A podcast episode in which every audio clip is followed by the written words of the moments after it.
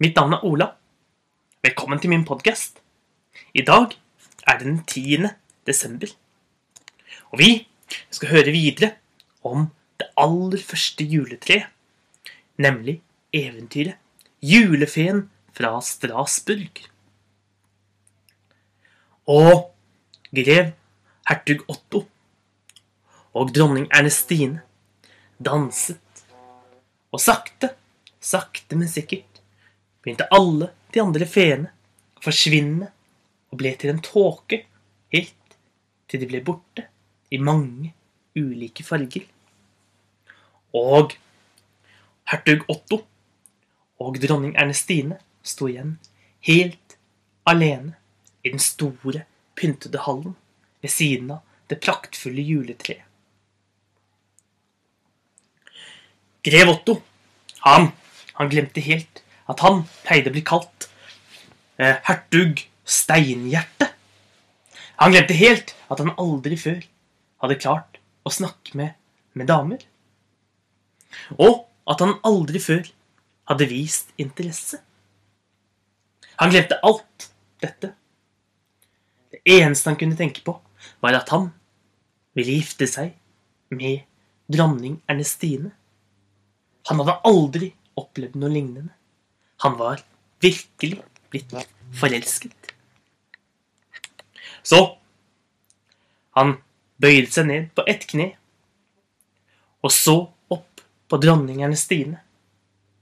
Så spurte han om hun ville gifte seg med ham. Dronning Ernestine, hun sa ja, men på én betingelse.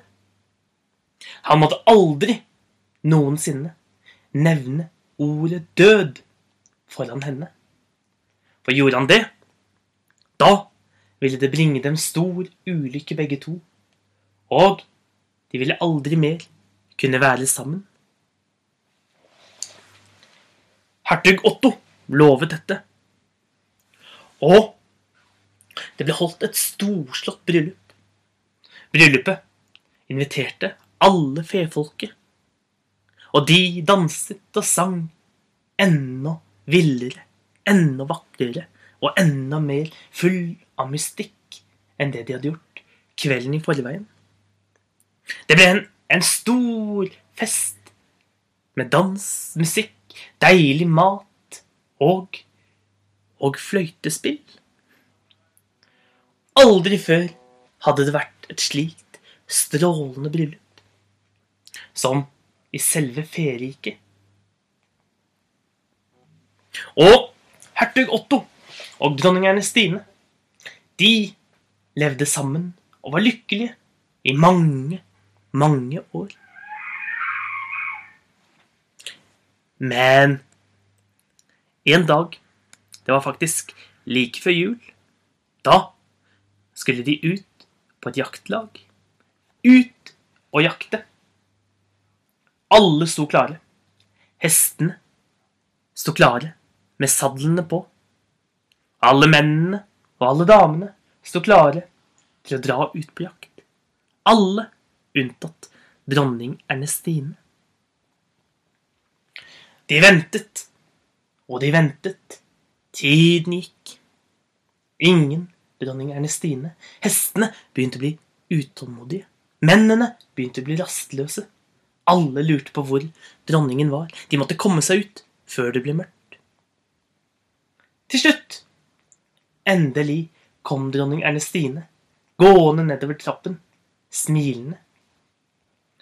Og hertug Otto, for første gang, så ble han skikkelig sint på dronning Ernestine. Og han sa irritert Hvis du bruker lengre tid nå, så kjeder vi oss alle til døde. Og med det, og med det hadde han sagt det forbudte ordet. Ordet død.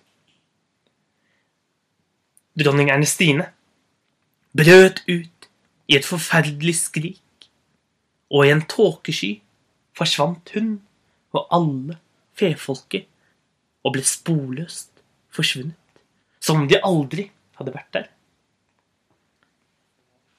Og hva som skjer videre, Det skal du høre i neste episode. Ha en god dag, så ses vi igjen en annen dag.